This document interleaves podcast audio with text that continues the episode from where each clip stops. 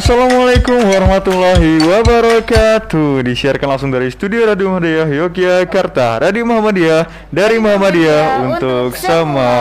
Ya selamat sore. Kembali lagi sobatmu bersama kami di program Semangat Sobat. Semangat, semangat, semangat Oke walaupun udah sore tapi semangat teman-teman sobatmu nggak boleh luntur Karena Iya. kita tadi di awal itu udah diiringin sama home band ya mbak Iya ya dong, semangat kustik Mm, semangat punya kustik. kita harus juga semangat. Iya bener banget. Apalagi tadi dengan diiringnya home band tuh kerasanya kita dapat suntikan energi positif. Oh, Mbak, energi gitu. positif ya. Dan kita- tentunya uh, kita bisa uh, lebih antusias lagi dalam uh, menyimak pembahasan pada sore hari ini yang tentunya hari bersama narasumber gak kalah keren juga. Oke, tapi kita belum kenalan. Oh belum loh, kenalan ya pak ya? Oke.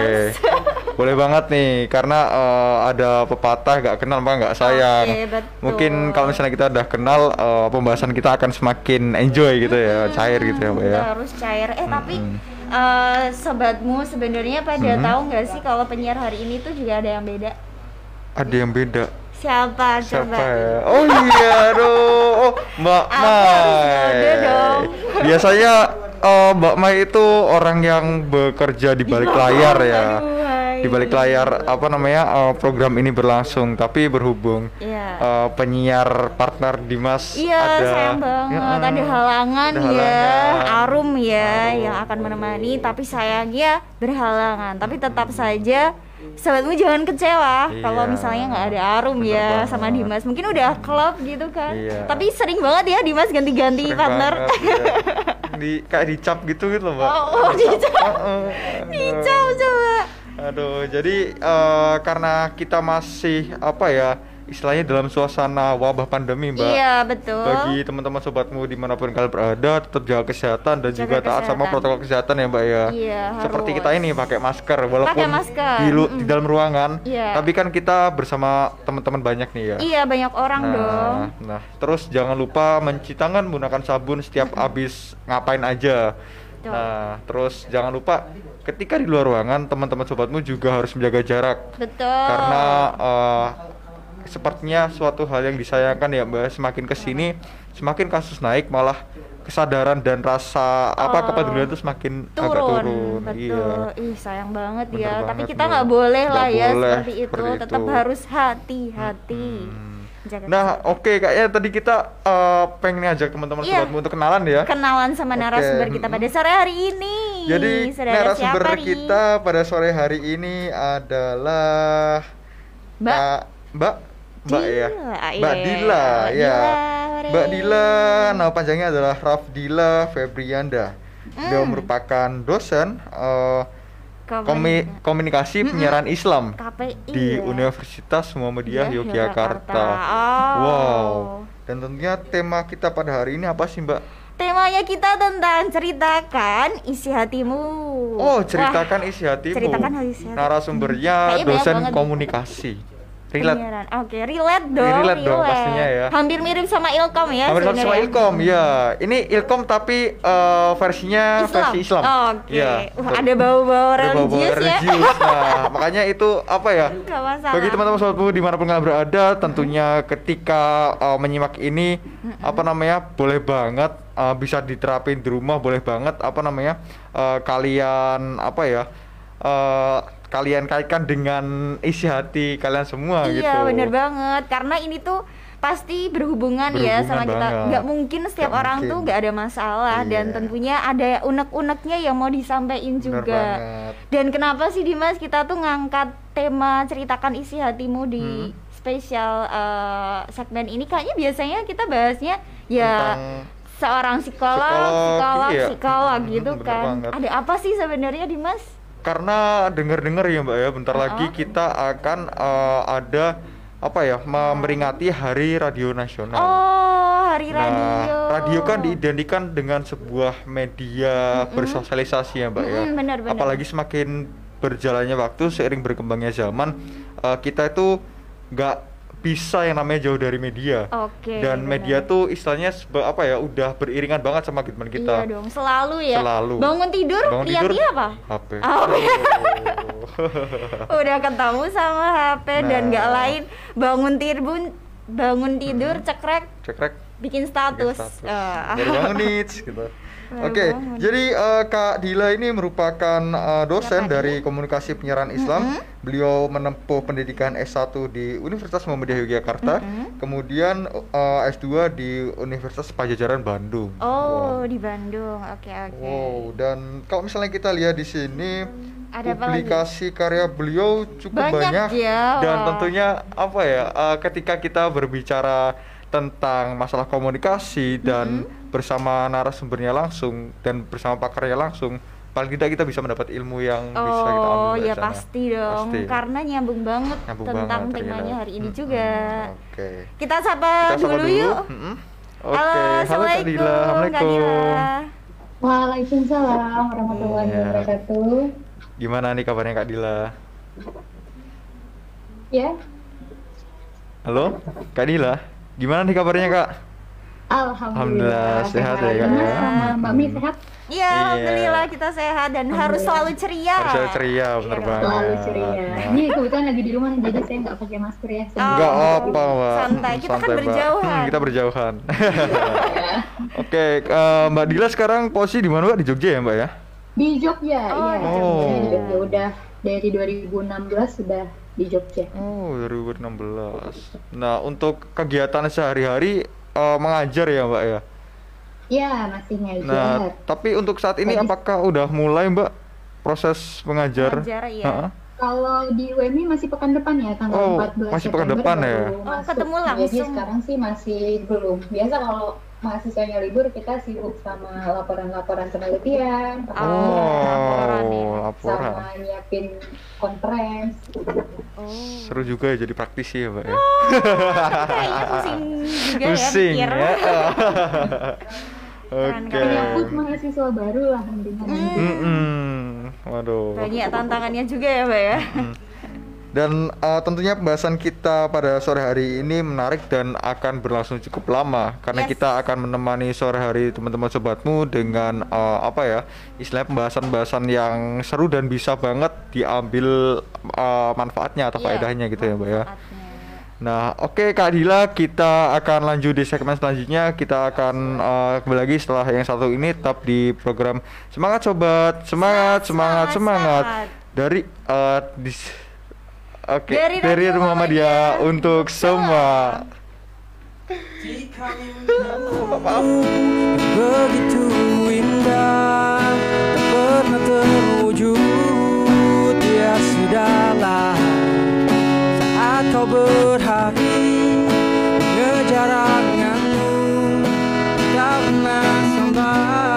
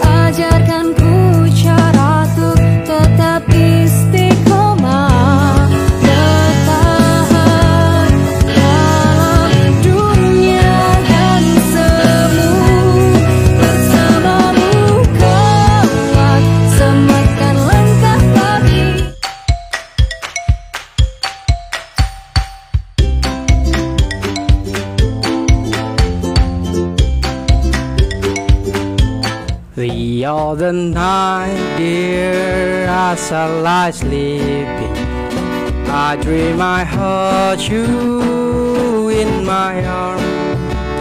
When I awoke, dear, I was mistaken. So I hugged my head and cried. You are my sunshine, my only sunshine. You makes me happy when skies are gray. Never know, dear, how much I love you. Please don't take my sunshine away. Oke sobatmu semua kembali lagi bersama kami hanya di program semangat sobat semangat semangat semangat Oke kalau tadi kita udah sedikit spoiler tentang tema kita pada hari ini dan tentunya kita udah kenalan lebih dalam ya mbak Yes, ya dengan narasumber kita. narasumber kita. Jadi langsung aja kita uh, ngobrol-ngobrol. Sapa lagi Sapa Mbak lagi, Dila. Mbak Dila, oke. Halo Bener Mbak. Dila. Halo Mbak Dila. ya? Oke. Masih. stay. Jadi kita langsung aja ya mbak ya. Iya, tadi Nah. temanya kita masih tentang ceritakan, Ceritakan isi, isi hatimu. Langsung. udah kayak eh, tema lagu Tema apa lagu. gitu ya. Oh iya, bener banget. Aduh, harus Jadi la- eh, Mbak Dila, eh, apa sih yang biasanya di share atau dibagi di eh, apa namanya fitur-fitur story media sosial?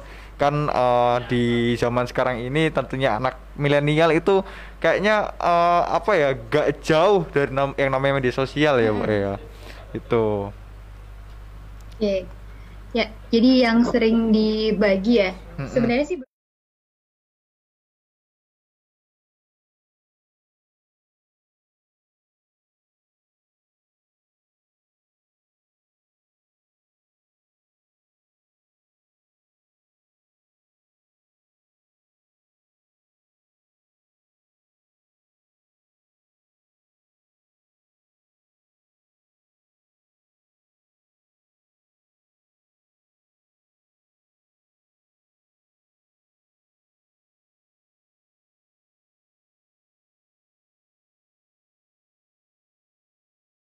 Eh, Oh, Kalau. Mm, Oh. Kalau Instagram memang yang paling aktif sih sampai sekarang, yang masih sering banget pasang story. Termasuk kayak kegiatan hari ini tuh juga saya update itu di Instagram story. Nah, eh, biasanya tuh Mbak Mbak Dila eh, anak-anak muda gitu eh, upload story-story itu dengan tujuan apa ya? Maksudnya apa gitu loh ya? Iya, setahu Mbak. Oh, oh, setahu Mbak. Jadi kalau bicara soal penggunaan sosial media sendiri ya, Mm-mm. eh, berhubung basic saya di ilmu komunikasi kan, jadi ada satu teori nih Mas Dimas Hmm. sama Mbak Mei, Hmm. ada teori itu yang namanya uses and gratification. Wow. Jadi teorinya terus berkembang. Kalau teori awal itu memang bicara soal bagaimana orang-orang itu memilih media yang dia gunakan. Hmm, Jadi kalau dulu dulu kan kita itu nonton TV tapi banyak channelnya. iya. Jadi orang milih kenapa TV A, TV B, Hmm. TV C itu semua punya motivasi. Kemudian sekarang berkembang, eh, kemudian ada radio orang dengerin channel A, B, C itu punya motivasi. Sampai sekarang berkembang ke sosial media. Kenapa orang pakainya Twitter, kenapa orang Mm-mm. pakainya Facebook, Iya. itu semuanya punya motivasi. Nah, macam-macam motivasinya. Kalau eh, bisa jadi motivasinya untuk kepuasan diri, misalkan ya, Oh. lagi di sini nih, lagi makan ini, Mm-mm. lagi sama ini. Kemudian butuh pengakuan biasanya. Butuh Kadang pengakuan. karena ada banyak orang yang aktif, dia Mm-mm. terasa eh, hangat sekali di, di sosial media, tapi ternyata setelah ketemu nggak juga anaknya ternyata diem. kayak gitu. Beda banget ya. Beda banget, beda beda banget banget. ya ternyata antara statusnya tiap hari eh, Mm-mm. ramai sekali tiba-tiba kita ajakin Oh. ngobrol kok nggak kayak statusnya ya Iya. ternyata Mm-mm. misalkan seperti itu Oh, kemudian motivasi-motivasi lain Mm-mm. penggunaan sosial media bisa jadi apa ya bahasanya mem- bukan membunuh waktu ya Mm-mm. menunggu biasanya Hmm. kan sambil nunggu tuh biasanya scroll scroll Hmm, Instagram iya. zaman udah berubah ya kalau dulu Iya. nunggu ngobrol sama teman sebelahnya tapi Hmm. sekarang kita buka Facebook kayak gitu-gitu terus eh, yang paling ada juga biasanya karena kurang perhatian dari yang offline bahasanya Iya. kemudian dia lebih aktif di online karena di online mungkin dia merasa mendapatkan perhatian Hmm. dia mendapatkan baru update satu udah udah update update status satu kemudian yang komen banyak, banyak, yang bener. banget nge-like banyak Iya. itu ada macam-macam sih tapi yang paling banyak kemungkinan itu kepuasan-kepuasan tersendiri dari motivasi-motivasi orangnya gitu Berarti biasanya yang update-update status gitu bisa dibilang eh, cari perhatian gitu nggak sih mbak? Jahat ya aku ngomong gitu nggak sih?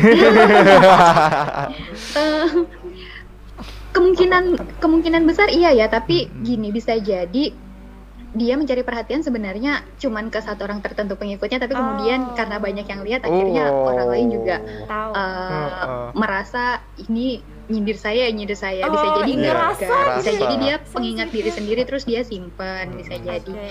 kalau status ya tapi bisa jadi kan orang itu nge-share foto karena beberapa teman saya itu nge-share foto untuk nyimpen di Facebook. Karena dia cerita eh, di Facebook di Instagram karena dia cerita kalau saya nyimpen file itu suka nggak kesimpan. Mm-mm. jadi akhirnya bahasanya ya bahasanya nitip di Instagram nitip di nitip di Facebook kayak gitu-gitu. Cuman kalau Oh. berbeda untuk yang mungkin setiap hari ngupdate itu kemungkinan besar bisa jadi ya ada kepuasan ketika Iya. dia sudah mengupdate statusnya ada Iya. kepuasan ketika ada yang komen ada yang nge-like kayak gitu banyak yang lihat Iya. gitu yang lihat atau Hmm. eh komen itu satu Komen. har- penghargaan Nah, juga ya penghargaan. Eh, kita tuh ah kasih perhatian bener. dikasih iya respon. bisa aja dari penghargaan tersendiri dan itu macam-macam setiap orang itu beda-beda biasanya Oh. Atau mungkin eh, status dibikin sendiri tapi nggak ada yang lihat Gak ada yang lihat. Intinya tuh nggak ada yang lihat ya buat dirinya sendiri Iya. curhatan ya jadi buku diary Nah, itu biasanya sih Mbak ya, kalau eh, menurut eh, kalau Dimas lihat sendiri di Twitter. Itu Oh, biasanya di Twitter, heeh. oh lebih banyak juga ya Iya, eh, seperti yang eh, Mbak Dila sampaikan tadi itu menjadi pengingat buat diri sendiri. Itu eh, di Twitter lumayan banyak sih yang begitu. Dimas pakai ya kayak Pakai, gitu ya pakai. oh coba Iya, dia di iya, Oke. Twitter. jangan lupa ya sobat Iya nanti sih. biasanya suka nge-retweet nge-retweet gitu Oh. Nah, Iya. itu nyimpen di tempat sendiri Mm-mm, kan nyimpen tempat Iya. sendiri, bener yang banget. samaan perasa Yang samaan perasaannya perasaannya bener banget. di-retweet. Di-retweet, bener. bener Kadang-kadang seperti itu juga. Mbak Dila juga kayak gitu mbak. Dulu saya main Twitter zaman Oh my 2014-15 kok kita zamannya kayak beda Oh, banget beda. gitu sih. Yang milenial tuh kayaknya kayaknya dari- daripada kita. Iya. Aku udah jarang twitteran sih. Dan tapi emang bener sih. Eh, Mbak Mei mainnya apa? Instagram. Instagram, Facebook cuman like-like di radio aja. Facebook itu sudah generasi-generasi di atas iya, biasanya. Iya. setuju sih, Mbak.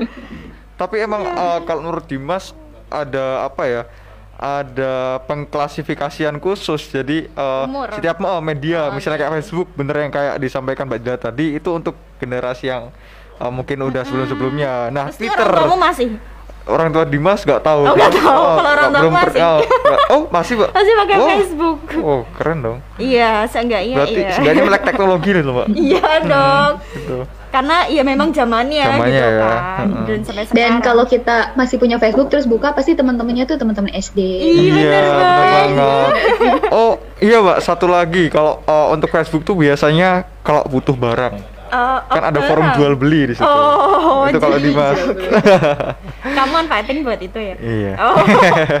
Oke, Zaman oke. dulu saya eh, zaman dulu saya masih ngerasain jual beli lewat Kaskus. Oh.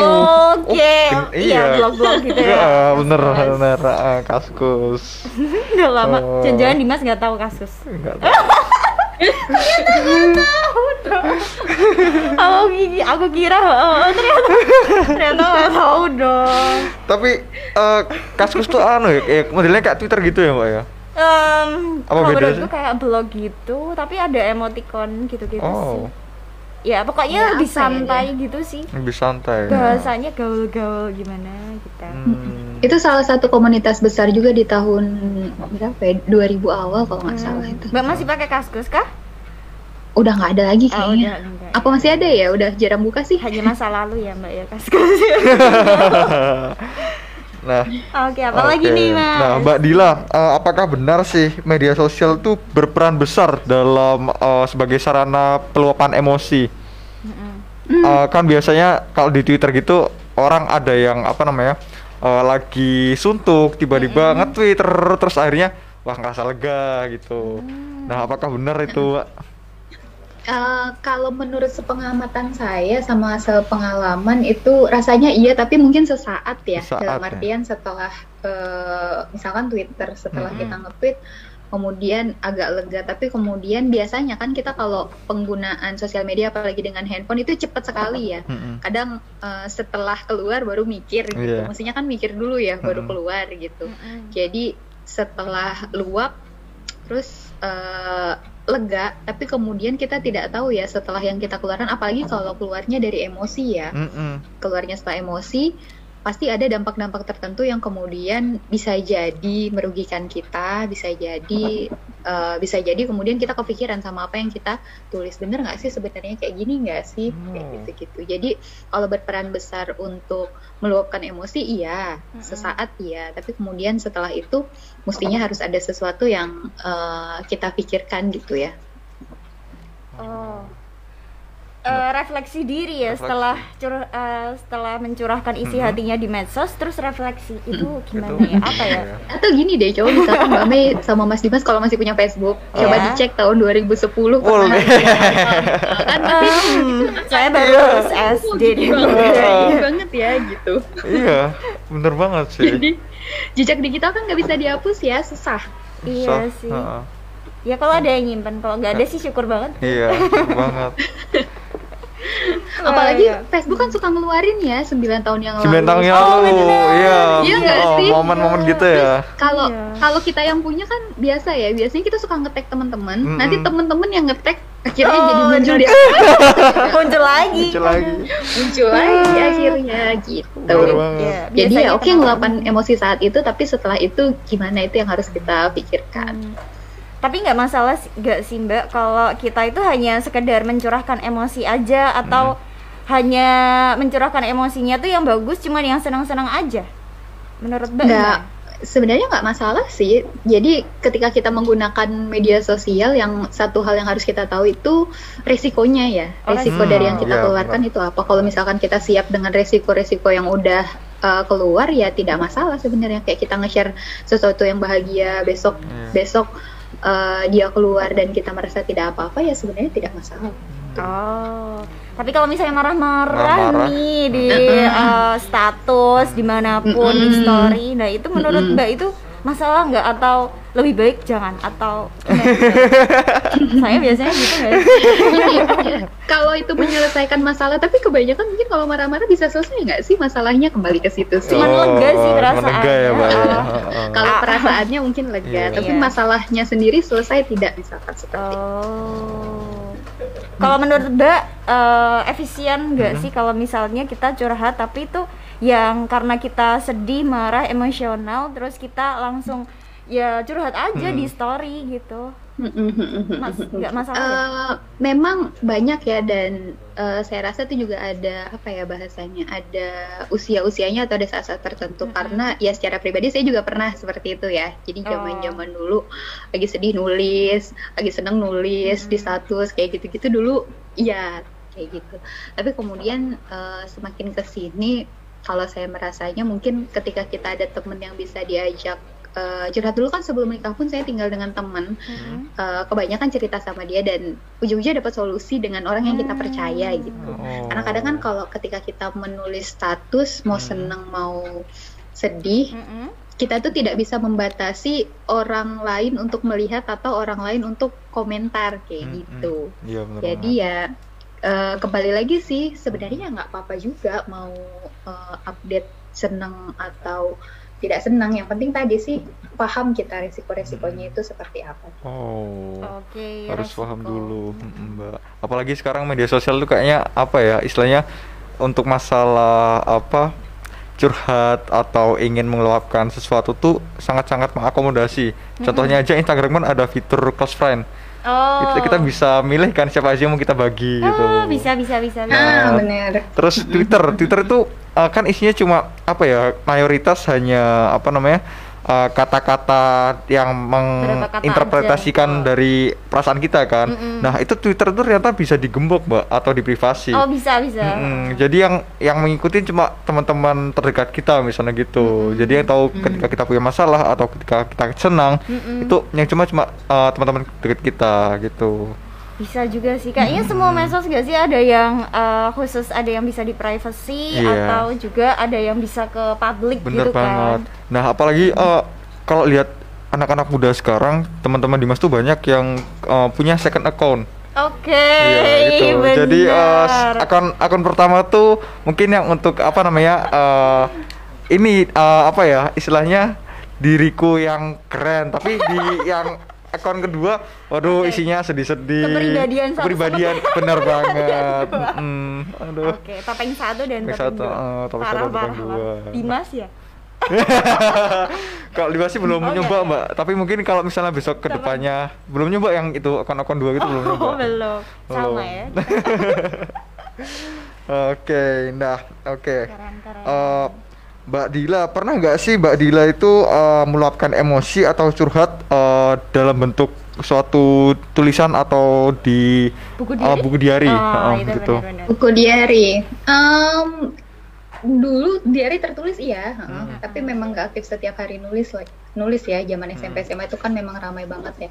Sekarang saya sering juga nulis di note handphone. Hmm. Oh. Ah, itu Bisa ada yang lihat dong, sendiri di note di note handphone. Jadi misalkan tanggal segini iya eh, lagi seperti ini seperti Mm-mm. ini, apalagi terutama itu ya lagi kesel, lagi marah. Kadang-kadang masih suka nulis saya, iya di note handphone masih.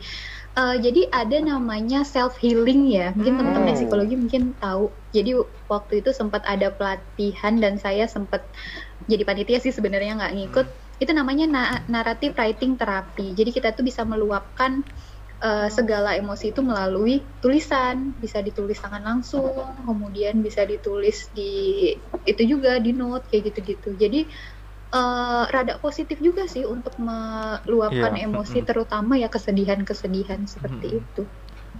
Oke, banget berarti sih itu juga solutif juga ya Solutif bisa banget. jadi self healing Iya. ya. Buat Iya, heeh, heeh. ternyata emang ada yang mendalami itu kan. iya Oh, berarti bisa dicoba Bisa. ya selain di media sosial ternyata ada solusi lainnya. Buku Iya. diary itu nggak ketinggalan zaman-zaman banget lah, tapi masih bisa digunakan gitu. Nah, Iya, kalau nggak ditulis kan bisa diketik ya. Iya. Sekarang kalau Iya. anak-anak zaman sekarang kan lebih ini ya, lebih mudah aksesibilitasnya terhadap smartphone kan ada Smartphone. note tuh biasanya. Iya. Ada note tapi kan Nah, HP-nya harus digembok dulu ya Mbak ya. Iya.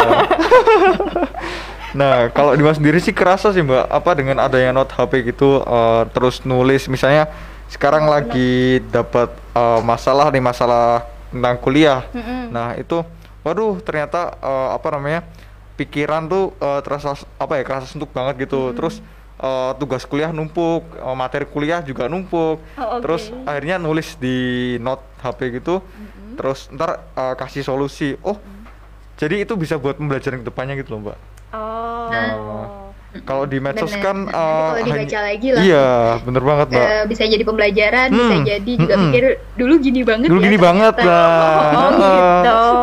Iya. Dulu. Oh. Jadi bener sih kata eh, Mbak Ma itu apa ya untuk kayak di hari gitu nggak terlalu ketinggalan nggak terlalu ketinggalan zaman banget lah Hmm. bisa dimanfaatin gitu. Mbak Dila aja masih loh. Masih, Iya. heeh, bener makanya itu. Walaupun mungkin bedanya lagi pakai note.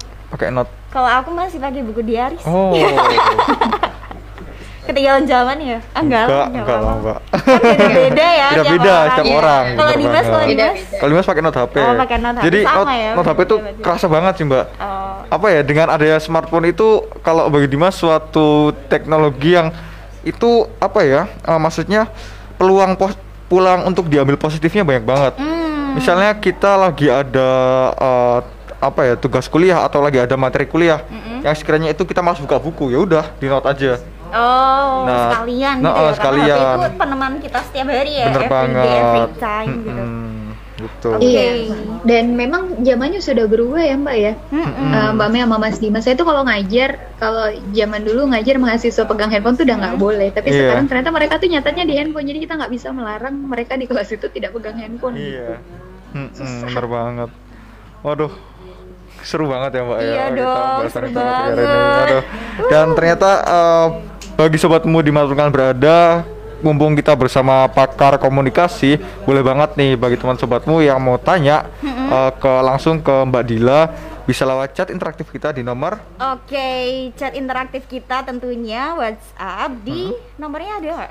0812 0812 2735 1554 sebutkan nama, Mm-mm. asal kemudian juga eh, unek-uneknya Unek-unek, boleh banget, boleh banget. salam, titip rindu atau Titip titip rindu. semangat ke kita. Wow, bersyukur banget tahu Kita butuh semangat kalian sobatmu.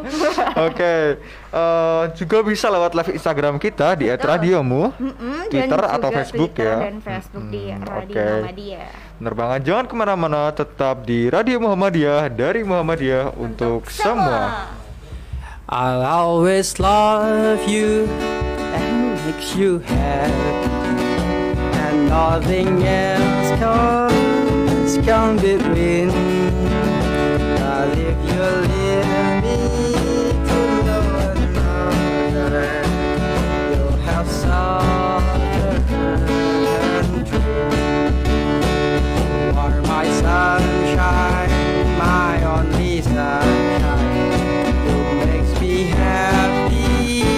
Skies are gray.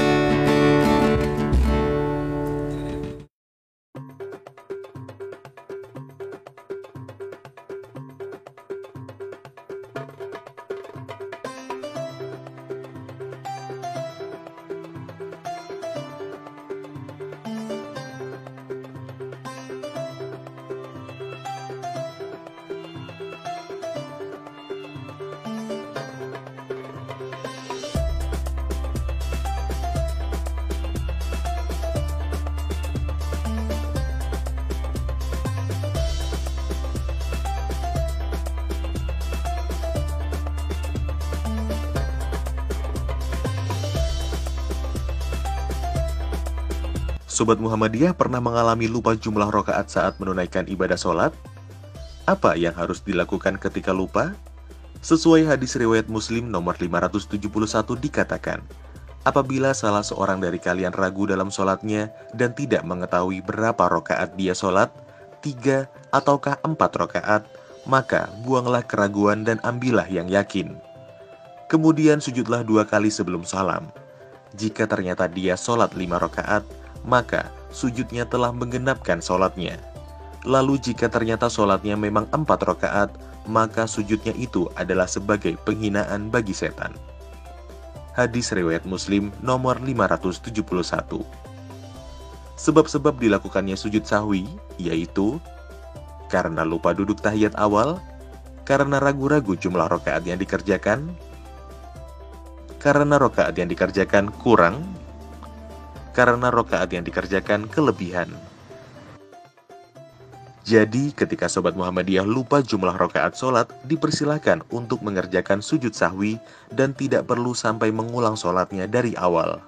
Sedangkan untuk bacaan apa yang dibaca pada sujud sahwi, Subhanakallahumma Rabbana wa bihamdika Allahumma gfirli. Maha suci engkau ya Allah, wahai Tuhan kami, dan dengan memujimu ya Allah, ampunilah aku.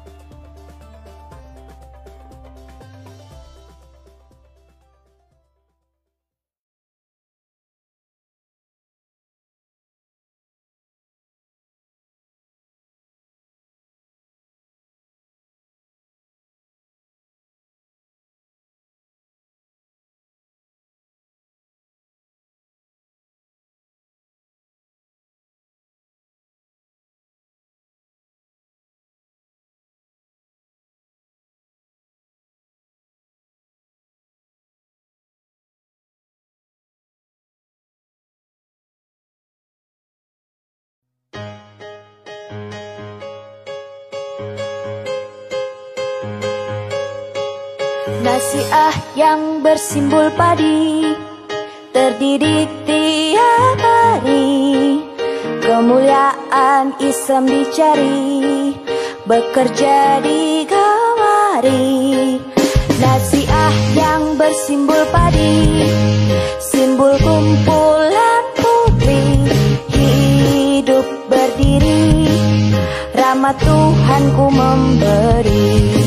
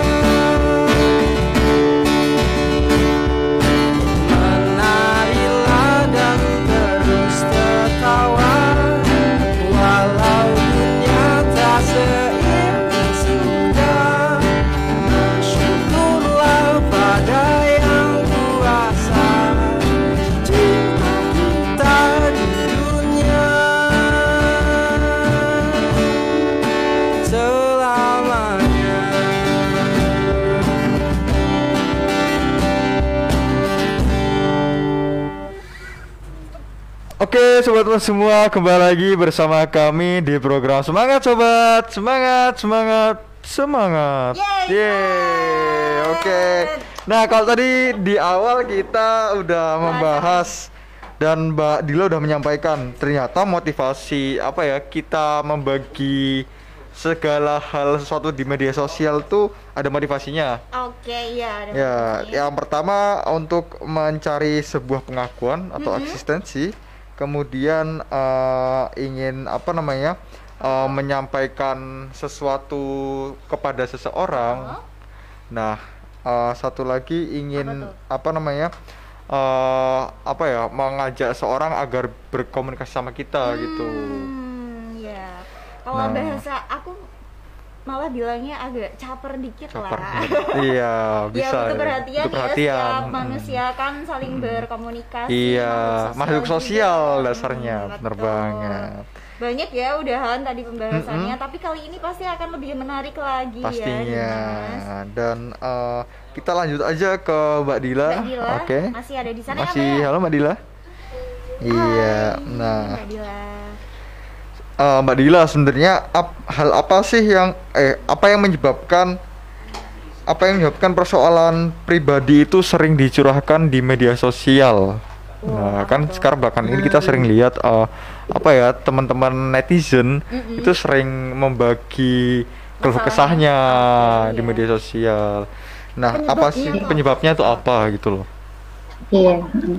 Ya penyebabnya juga memang macam-macam ya, tapi memang kemungkinan besar salah satu penyebabnya adalah ketika dia di dunia nyatanya mungkin kurang didengarkan, kemudian dia di dunia nyatanya merasa masih kurang nih ketika ngomong dapat respon yang tidak sesuai dengan apa yang dia inginkan. Kemudian ketika dia curhat tidak didengarkan, ketika dia curhat tidak eh, responnya itu tidak sesuai dengan yang dia mau Ah, gitu. Misalkan pengennya dikasih nasihat tapi malah dimarahin misalkan. Kemudian pengennya cuma didengerin aja tapi malah dikomentarin misalkan. Akhirnya dia tidak mendapat kenyamanan atau malah dia tidak mendapat eh, respon sama sekali. Akhirnya dengan adanya sosial media eh, orang-orang lebih cenderung untuk menyampaikan emosi emosi-emosinya melalui si sosial media ini karena mungkin di sosial media ini dia mendapat sesuatu yang dia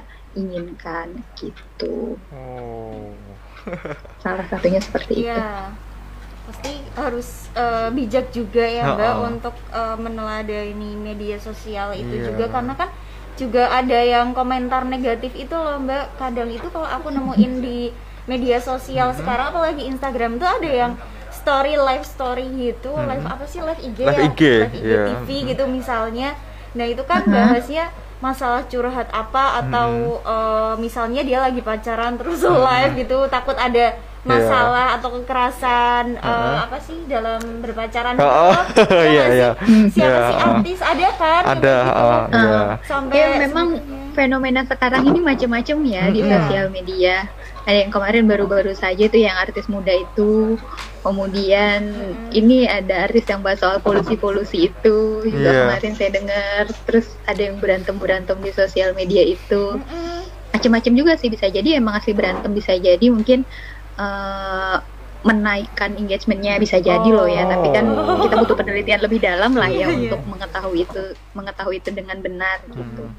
ya macam-macam. Mungkin karena saking mudahnya kali ya. Mudah banget kita untuk ngetik mudah banget kita untuk eh, ngechat. Jari ini kayaknya gampang banget gitu. Jadi Hmm, iya. akhirnya Iya, apalagi yang kita hadapin kan mungkin handphone ya nggak Iya. lihat orangnya langsung. Ha-ha. tapi kalau misalkan kita marah kalau zaman dulu kan nggak bisa ya ngetik saya pernah dengar ceramah itu kalau kita marah Mm-mm. kita datengin ke orangnya terus kita lihat wajah orangnya juga kasihan. Mm-mm. kemudian udah jauh marah tuh udah hilang marahnya. Mm. beda kalau kita ngetik ya. Iya, kalau kita ngetik nggak lihat udah nggak lihat orangnya terus kita lagi emosi om emosi emosinya Ha-ha. akhirnya Greget. eh, tadi sekali eh, bisikan-bisikan itu langsung ngetik aja langsung send Iya. gitu. Kadang kalau ngetik juga kadang nggak ada batasannya Bener gitu kan dan pada akhirnya eh, nggak jarang hal itu memicu konflik Iya, Betul. kadang tuh ada yang disalahartikan Mm-mm, juga ya bener mbak, ya nggak banget. sih ngetik apa, Betul. iya dia nah pahamnya apa, bener gitu. banget, Mbak. ambigu, ya. ambigu Betul, karena eh, kadang-kadang mungkin dia ngom- dia ngetiknya biasa aja tapi waktu kita baca eh, kita itu mempersepsinya beda seperti itu. Hmm. Nah, ini juga nih salah satu teori komunikasi nih ya. Wow. kalau dari Oh. Mbak? Profesor Dr. Dedi Mulyani itu bic- bicara soal komunikasi itu intinya persepsi. Hmm. Jadi Oh. seberapa kita memberikan kode, apalagi kalau itu yang tulisannya Mm-mm. itu eh, persepsinya orang pasti Beda-beda. bisa tidak 100% sesuai dengan apa yang ingin kita sampaikan. Hmm. Makanya miskomunikasi dari tulisan itu banyak banyak sekali apalagi kita kalau ngetik pertama disingkat, kemudian titik koma itu kan jarang ya kita perhatikan. Iya. Tanda seru, tanda Hmm. tanya, kayak gitu-gitu kan jarang kita perhatikan kalau chat apalagi cuma komen di sosial media seperti itu. Hmm. Bisa jadi mungkin sebenarnya biasa aja cuman karena bacanya sambil emosi jadi menganggapnya orang itu emosi kayak gitu-gitu. Iya. Ya soal persepsi sih. Bener banget sih Mbak persepsi Maya. atau pandangan ya. Nah, Hmm. Apalagi nih Mas? nah Dimas tuh eh, jadi ada pengalaman nih Mbak. Apa tuh? Eh, di Twitter ya kan, Dimas main Oh, Twitter nih. oke, Twitter nah, Twitter boleh. itu eh, apa namanya? Ada yang namanya tweet. Treat, oke, Nah, treat. jadi orang-orang tuh bikin tweet eh, pernah tuh ada suatu waktu Dimas scroll itu ada orang yang bikin di umur 20 tahun kamu pasti merasakan seperti ini dan yang kamu harus Oh. lakukan gini gini gini. Terus mikir, "Oh iya juga ya." Kok bisa pas? Mm, bisa pas dan ternyata ada teorinya Oh, tadi persepsi gitu. persepsi, Wow, oke. relate banget ya. Iya, kalau di Instagram itu apa microblog ya, yang kita mesti swipe swipe swipe nomor satu apa? Oh iya, Itu nggak iya, iya bener banget ah. Nah, bener banget oh, Dimas, tapi tapi Dimas kurang main IG sih mbak, Oh, Twitter soalnya. Hmm, Jadi Anda Mei Mei main IG ya? Iya. Jarang kita. kalau upload story malah jarang sih kalau Instagram. Oke. TikTok mainnya? Ketawa dia sekali dua kali aja sih mbak. Tapi buat private, tidak Nah. buat public gitu. Oh gitu. Hmm, Nah bener persepsi. bener banget, apalagi kan media sosial tuh sekarang eh, kayak yang Mbak Dila sampaikan tuh kayaknya ngerasa mau ngetik tuh gampang banget loh mbak ya. Dan media sosial kan sekarang apa ya ke kalau kita ibaratkan tuh udah jadi kebutuhan masyarakat sekarang. Udah kayak makanan sehari-hari. udah makan ya, sehari-hari? Aduh, dan gak banget. jarang apa ya anu mbak apa eh, berita-berita isu-isu sosial di sosial media tuh lebih cepat ter blow up-nya gitu loh. Oh. dan gak jarang eh, orang yang apa ya ketika melihat itu langsung mengeluarkan responnya. Res- baik itu respon negatif dan respon positif. Dan tentunya itu gak jarang bisa berakhir jadi sebuah konflik. Walaupun konfliknya di media sosial. Iya. Nah, kira-kira eh, apa namanya ketika ada konflik di media sosial itu apa sikap bijak apa eh sikap bijak apa sih yang harus kita ambil gitu, Mbak Dila? Oke, jadi ini memang benar ya, Mas Dimas, Mbak Mia. Ini ada pergeseran ya. Kalau zaman dulu yang kita update di sosial media itu biasanya yang dari televisi lah ya, media konvensional dulu. Mm-mm. Tapi sekarang ini berbalik nih. Apa yang ada di media sosial itu yang masuk ke dalam media konvensional, iya nggak sih? Iya, Bener banget, bener. kerasa banget, Mbak. Heeh. Heeh, jadi gitu. Iya. Jadi apa yang rame-rame di sosial media itu yang jadi rame di TV gitu. Kan kalau dulu kan kita sumbernya TV ya. Iya. TV, radio kayak gitu-gitu. Nah, kemudian bergeser ke yang tadi saya sampaikan ke sosial media rame-rame. Mungkin kalau di Twitter ini ada tweet war gitu nggak sih ya namanya ya? Ada, iya, ada. pastinya ada. Heeh, tahu juga. Ya eh, eh, kayak gitu. Akhirnya kita ya gimana ya? Saya juga sebenarnya masih eh, belum begitu gini. Saya belum membaca penelitian secara pasti kenapa sih orang itu gampang banget berkata kasar misalkan Hmm. di komen, kemudian eh, menjudge eh, sesuatu itu seenaknya. Misalkan kok begini sih, kok begini sih, kok begini. Itu memang belum belum saya temukan ya kenapa sih orang itu gampang banget untuk eh, apa ya bahasanya kasar ya Kasar. kasar di dalam eh, sosial media terus kita seperti apa nih bijaknya hmm, kalau saya pribadi ya kalau saya pribadi sebenarnya nggak pernah ini ya nggak pernah ambil pusing biasanya cukup dibaca juga walaupun kadang-kadang gedek juga ya pengen bales nih komennya ya gemes sih Gemes. karena mungkin kita lebih tahu ya gemes dulu Iya. pernah zaman awal-awal kuliah saya Hmm. pernah tuh di Facebook ada yang komentar tuh saya balesin komen akhirnya kok yang saya dapatkan adalah itu tidak selesai karena gini Hmm. namanya berdebat itu kan eh, kita jadi ada teori juga ini Hmm. negosiasi dan itu memang benar-benar relate ya. Iya. Kalau orang mau bernegosiasi itu memang harus sadar bahwa negosiasinya ini menimbulkan sebuah tujuan akhir gitu. Mm-mm. Tapi kalau kita debat di sosial media, kita juga nggak kenal, kemudian memang tidak ada tujuan bahwa si debatnya ini akan berakhir gitu. Mm-mm. Kecuali memang debat yang disetting ya. Tapi kalau kita dengan apa ya bahasa netizen ya, Iya. komen-komenan kayak netizen. gitu tuh memang nggak ada akhir karena keduanya keduanya Ada, mm. hmm, benar-benar memper apa bahasanya mempertahankan Oh, mempertahankan. idealismenya mempertahankan komentar dia bahwa yang benar nih aku yang benar nih Mm-mm. aku akhirnya kan nggak ketemu Iya. oh jalannya sebenarnya Iya. Mm-mm. Dan jadi bahkan sebenarnya ya masa lalu juga kadang tuh diungkit lagi gitu. diungkit bisa jadi. Mm-mm. Jadi sebenarnya kalau saling berkomentar dan berperang di sosial media tanpa kita mengenali siapa orangnya ya sebenarnya kalau menurut saya sih ya percuma lah ya. Uh-uh. Toh kita juga nggak kenal. Cuman ya emang banyak sih fenomenanya. Saya kan juga suka tuh ya lihat di postingan terus suka Mm-mm. baca komentarnya. Kadang kalau pengamat. Ngamat. amat bener. Walaupun gemes juga kadang-kadang pengen komentar tuh gemes sering banget Mm-mm. gemes. Cuman kalau saya tidak saya rasa itu tidak begitu penting ya nggak pernah sih. Mm. Paling cuman pernah terhitung seumur Instagram saya itu cuma sekali dua kali ya komentar yang eh, ngikut nimbrung di situ. Tapi sejauh ini saya lebih banyak menghindari sih ya bahasanya daripada kita sakit hati sendiri kan. Oh, Iya. betul. Sakit hati itu lukanya tuh bisa sampai Wah. aduh, aduh, aduh, aduh, aduh, aduh, aduh. Kepikiran gitu. Terus Tapi mungkin berbeda dengan orang yang emang udah sering ya. Saya sih belum pernah nanya sih. Maksudnya belum pernah ketemu orang yang bisa saya tanya, kamu ngapain sih komentar kayak gini gitu? Saya belum pernah ketemu soalnya. oh, Hmm. Dimas mungkin di wawancara. Oh, Oh, iya ya. iya. Kayaknya dia em, iya kayaknya. Ya cuman ini nggak sih satu kalimat apa tuh? Satu kalimat yang ramai sekali itu apa? Anjay. Ah, itu itu kayak panjang Anda. banget nggak selesai. Nah, eh, kan fenomena seperti itu belakangan ini banyak terjadi ya, eh, Mbak Dila ya. Nah, dua pertanyaan nih, apakah perlu dan penting edukasi tentang literasi digital yang baik ke masyarakat saat ini? Apakah perlu gitu?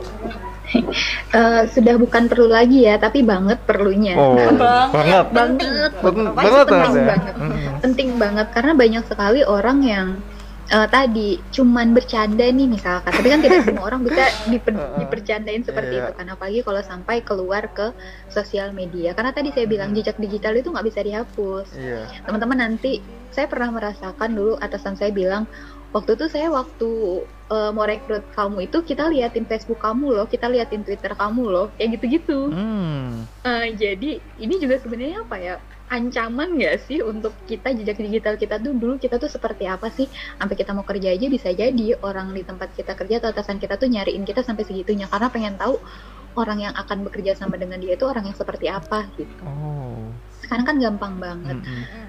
Uh, uh, kemudian balik lagi tadi pertanyaannya eh, Pentingkah edukasi literasi penting digital? edukasi, ya. Yang baik. penting Penting ah, banget, penting ya. banget apalagi tidak ada batasan kan ada anak-anak yang menggunakan Hmm. gitu. Kalau kita orang dewasa mungkin uh, prank itu kan bohong ya sebenarnya Iya. ya. Iya. Prank. Saya tuh agak-agak eh, anak kecil diajarin bohong nanti jangan-jangan dia mikir kalau saya bohongnya kayak gini boleh kali ya.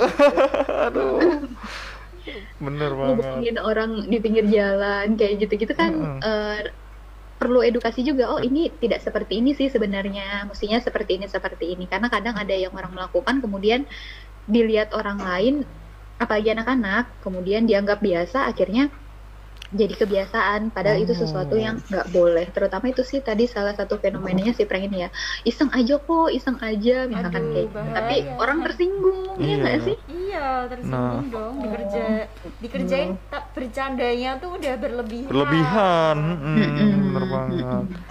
Nah. bener harus ada literasi media seperti itu Oh, berarti kalau misalnya kita lihat fenomena belakangan ini juga git- jadi pergeseran apa ya? Pergeres pergeseran komunikasi itu juga eh, mengaruhi kultur yang ada ya, Mbak Dila ya. Iya, Seperti kayak yang tadi betul. prank itu. Kan kalau misalnya apa ya?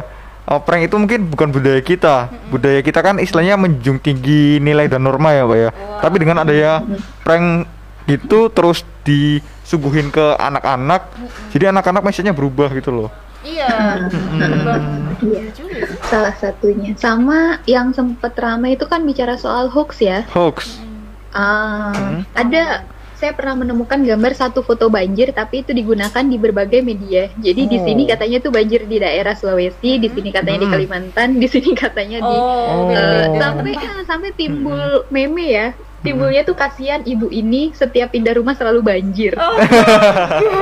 Oh. Karena foto yang dipakai tuh foto ibu itu gitu. Nah, bicara soal hoax juga kan ini berbahaya ya. Iya.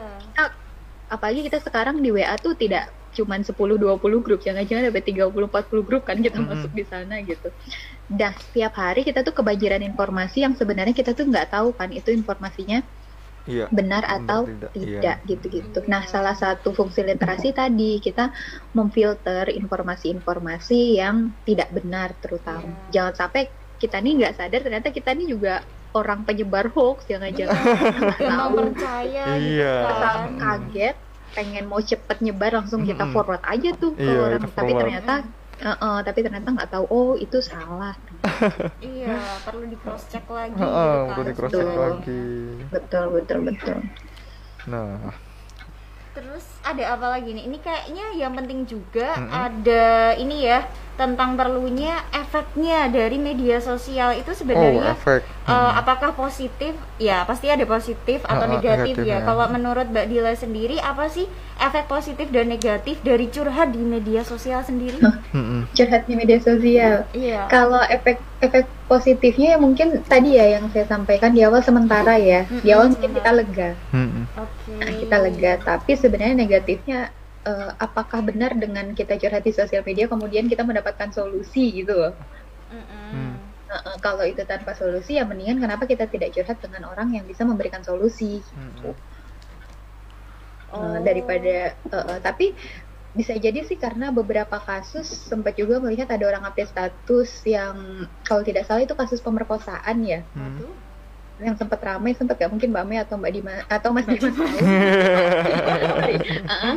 itu kalau tidak salah kasus pemerkosaan kemudian dia ngupdate status kemudian udah satu tahun berlalu dan ditangkep misalkan kayak gitu Oh. itu dari eh, dari sosial media juga kemudian eh, kalau curhatnya dalam tataran tadi hal-hal yang sekiranya apa ya biasa oh lagi di sini nih menginformasikan sesuatu saya rasa itu tidak masalah ya. Cuman kalau eh, kita menginginkan solusi tapi curhat di sosial media saya rasa mungkin bisa mungkin kalau misalkan ada orang yang ikutan komentar walaupun ujungnya nanti kita bisa jadi bingung karena banyak juga kok ternyata teman-teman saya yang udah punya anak tuh suka "Eh, anak kalau lagi panas diapain ya? Kayak gitu ada itu kalau kalau lagi begini begini diapain ya ibu-ibu ada yang tahu nggak itu banyak.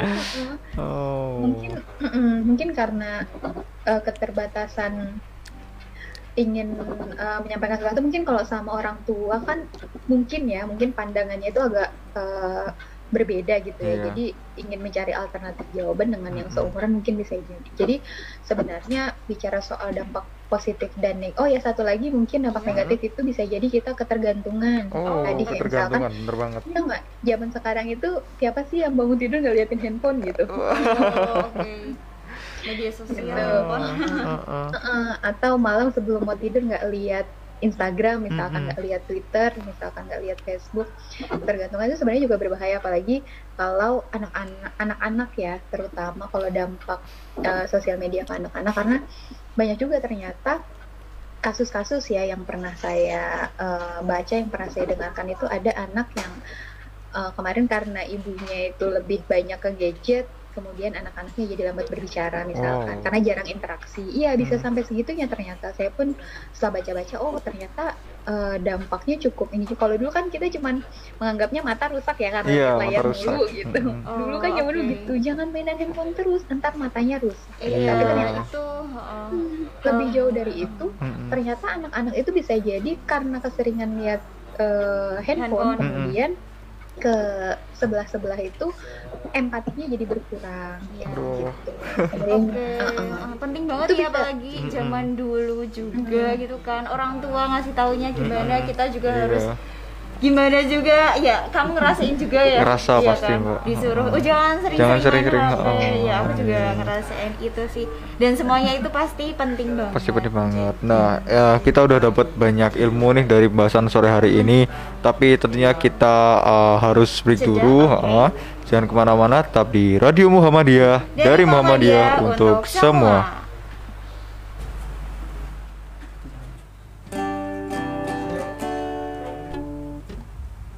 Tak kepada hidup memberikan senyum abadi walau hidup. Kadang tak adil tapi cinta lengkapi kita. Laskar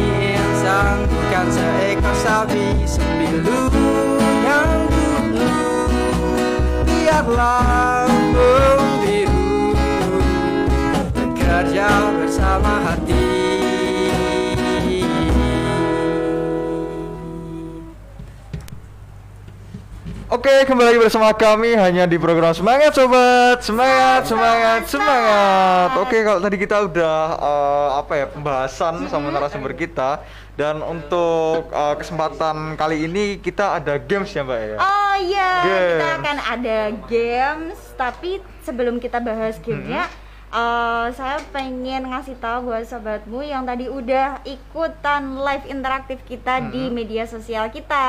Siapa tuh, Mbak? Ada di Facebook, Oh. eh, Pak Budi Santosa, katanya keren, edukatif. Waduh. Terus ada juga dari Cahyo Dwi Ramadan, katanya sangat inspiratif sekali buat pengingat Pengingat pemuda Supaya sekarang bijak supaya lebih menggunakan medsos. Lebih wow. bijak dalam bermedsos. Apalagi tadi pembahasan kita sangat relate ya, Mbak ya. Oh, relate banget, gak cuman kita berdua, kayaknya seluruh dunia. Oh, seluruh dunia. Oh, benar banget. Oke. Nah, untuk game kita pada kali ini Wah, adalah namanya game sikat. Sikat, sikat gigi. Oh, sikat. bukan. ini sikatan, Mbak. Oh, apa tuh singkatannya? Namanya game sikat deskripsi kata, dan kalimat. Oh, oke. Oh, oh ada ketentuannya Ada nih ketentuan. ternyata. Jadi permainan ini akan dilakukan dua orang ya. Mhm. Nanti mungkin eh, semacam ada timnya Iya. A dan B, nanti Dimas atau siapa dan kemudian ketentuannya ada dilarang menggunakan singkatan, Mhm. persamaan kata, lawan bahasa, bahasa asing dan juga dilarang memperagakannya. Nanti ada jurinya. Ada jurinya. Oke, Oke. siap. Dan tentunya narasumber akan diajak bermain game. Narasumber ya. Oke. Sementara ini Oh, Oh sama iya, Stage. kita. Semangat pus. Oke. Siapakah Mungkin dari mereka? untuk kali ini anu ya Mbak ya, sama Apa? narasumber dulu ya. Ke depannya kita bisa sama sobatmu mungkin. Bener-bener. Ah. Jadi tim A-nya nanti Dimas sama Kak Dila. Oke, Mbak Kak Dila Dila. narasumbernya. Iya. Oke. Kita kapan nih mainnya? Ini ada Kak Mai. Oke, aku Sama- main ya sama. Oke, Hmm, sama Kak Rusdi vokalisnya Oke. ya. Semangat Ya. posting. Oke. Udah siap Oke, nih? Udah tenang siap nih? siap ya. Oke, monggo siap juri. ya. Oke, ini sekarang Dimas yang mendeskripsikan Mm-hmm.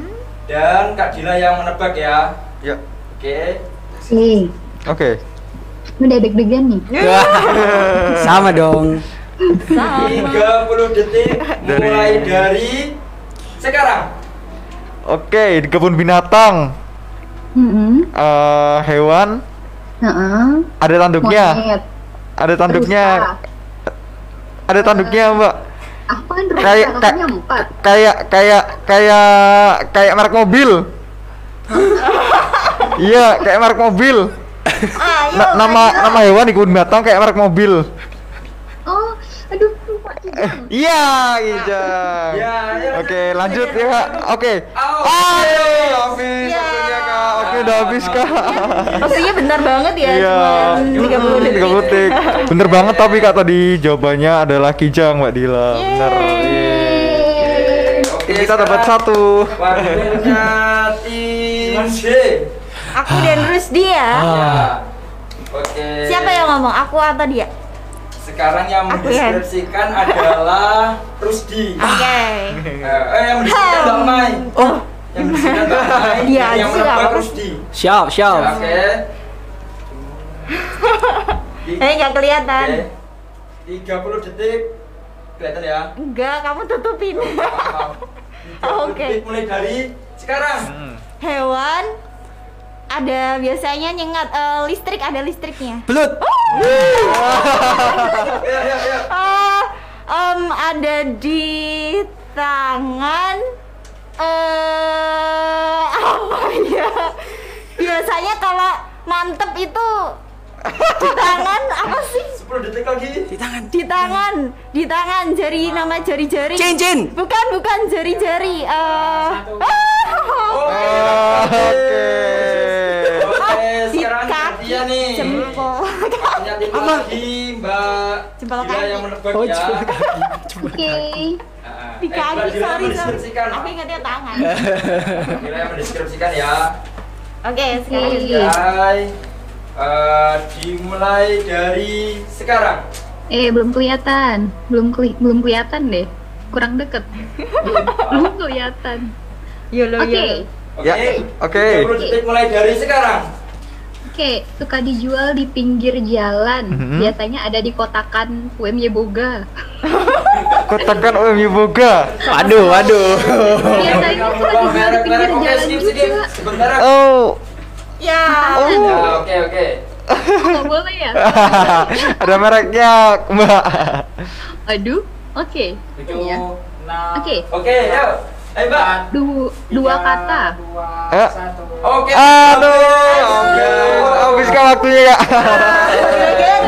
Sekarang waktunya Rusdi. Yang Saya masih satu masih satu, satu sama ya, masih satu sama ya.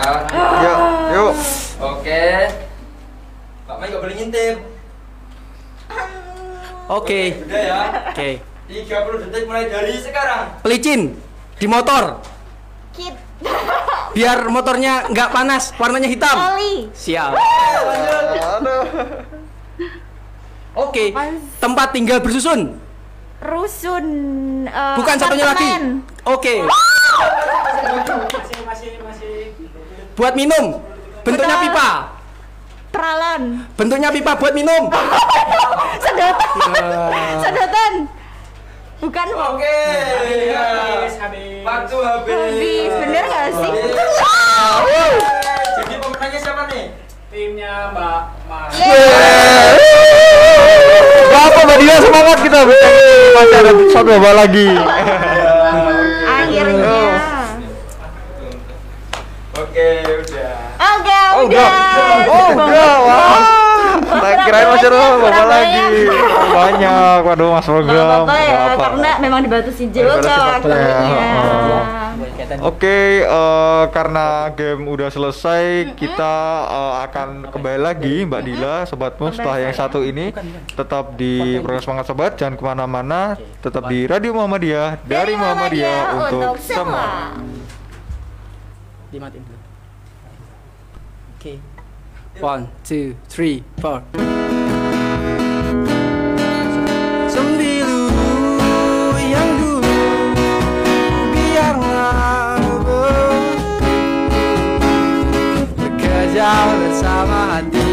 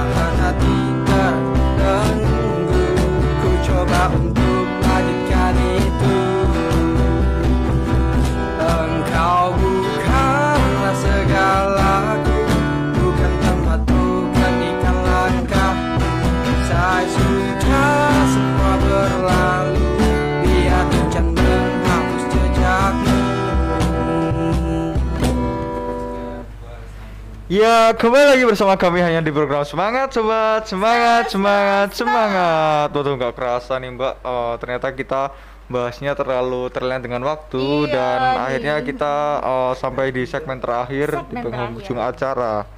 Dan tentunya sebelum eh, kita mengakhiri program pada sore hari ini, Dimas mau bacain beberapa review yang telah disampaikan dari Mbak Dila tadi. Ah, yang betul. pertama bahwasanya eh, di media sosial itu eh, ada yang namanya eh, teori itu apa ya persepsi. Jadi Persepsi. eh, apa yang disampaikan di media sosial itu tergantung kita bagaimana cara memandangnya. Bisa jadi eh, Mbak Mai ini me- apa ya eh, menyampaikan di media sosial itu A, tapi Dimas juga bisa nanggepinnya B. Hmm, gitu. beda persepsi Bisa atau persepsi. pandangan. Mm. Nah, kemudian yang kedua, kita juga harus bijak dalam bermedia sosial. Oke. Nah, apalagi di era belakangan ini di fen- apa ya banyak banget fenomena belakangan ini uh, konten-konten media sosial yang itu memicu apa ya daya tarik uh, netizen, Hmm. teman-teman netizen untuk istilahnya uh, nimbrung di konten tersebut dan gak jarang apa ya respon dari teman-teman netizen tuh ada yang negatif dan positif. Oh, betul. Makanya itu kita eh, udah semestinya lah bijak terlebih dahulu sebelum meresponnya Cross gitu. check juga Cross check ya. bener banget. Oke. Nah kemudian yang terakhir yang Mbak Dila sampaikan penting banget nih ya ini eh, pentingnya edukasi literasi digital yang baik. Hmm, literasi Nah, media, ya. ini ada korelasinya sama poin kedua tadi. Karena eh, pada dasarnya apa namanya eh, respon baik negatif dan positif sebenarnya itu bisa ditangkal, bisa di apa namanya cegah dengan cara eh, kita mengedukasi bagaimana sih bermedia sosial yang baik. Oke, gitu. PR kita semua PR kita juga semua. ya. Hmm, bener banget. Dan mungkin ada yang perlu disampaikan untuk Mbak Dila di segmen terakhir Oh, ini iya, ya. hmm. Kita sapa lagi Mbak Dila. Mbak Dila? Halo. Iya, oke. Oke. Karena ini uh, Segmen pembahasan terakhir. oh, segmen terakhir dan pembahasan kita pada sore hari ini itu benar-benar pembahasan yang sekiranya harus benar-benar diketahui Mm-hmm. oleh teman-teman sobatmu yang terutama kesehariannya juga bermain media sosial gitu, Mbak. Mungkin ada closing statement dari Mbak Dila Mm-mm. terkait pembahasan pada sore hari ini, begitu, Mbak? Ya, terima kasih ya Mas Dimas sama Mbak Mei. Sebenarnya ini bukan cuma untuk eh, pendengar radiomu ya, tapi untuk saya sendiri juga.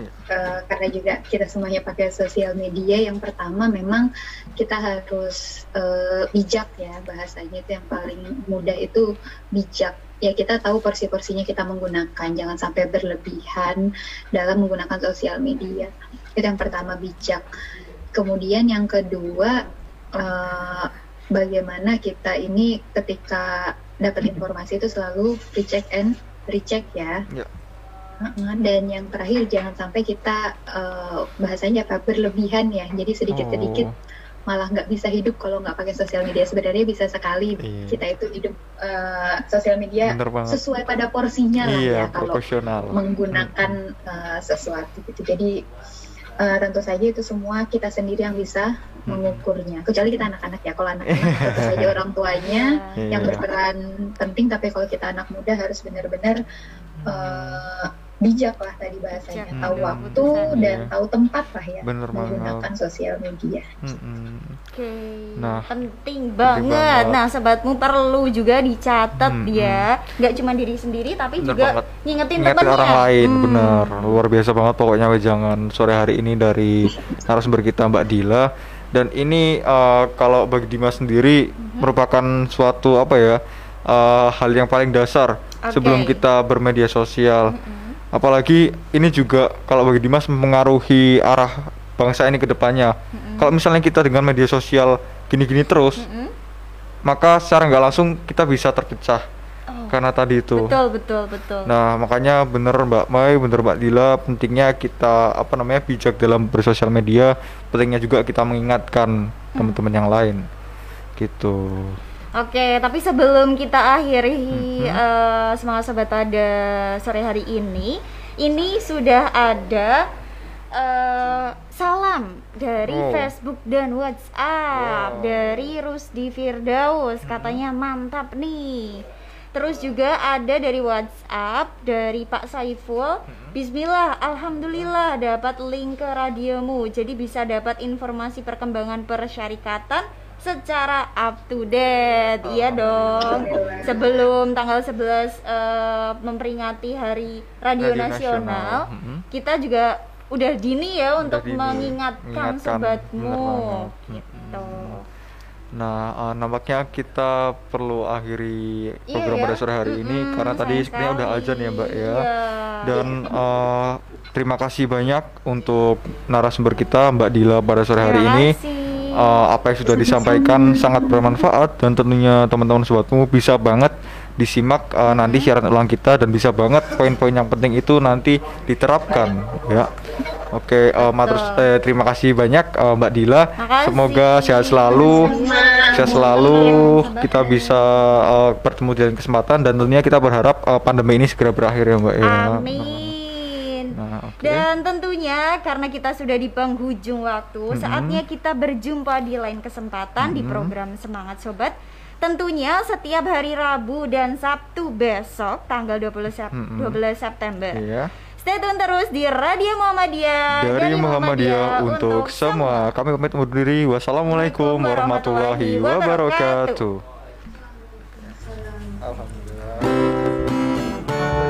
Dua tiga kapal belayar Samudra Ayo sahabatku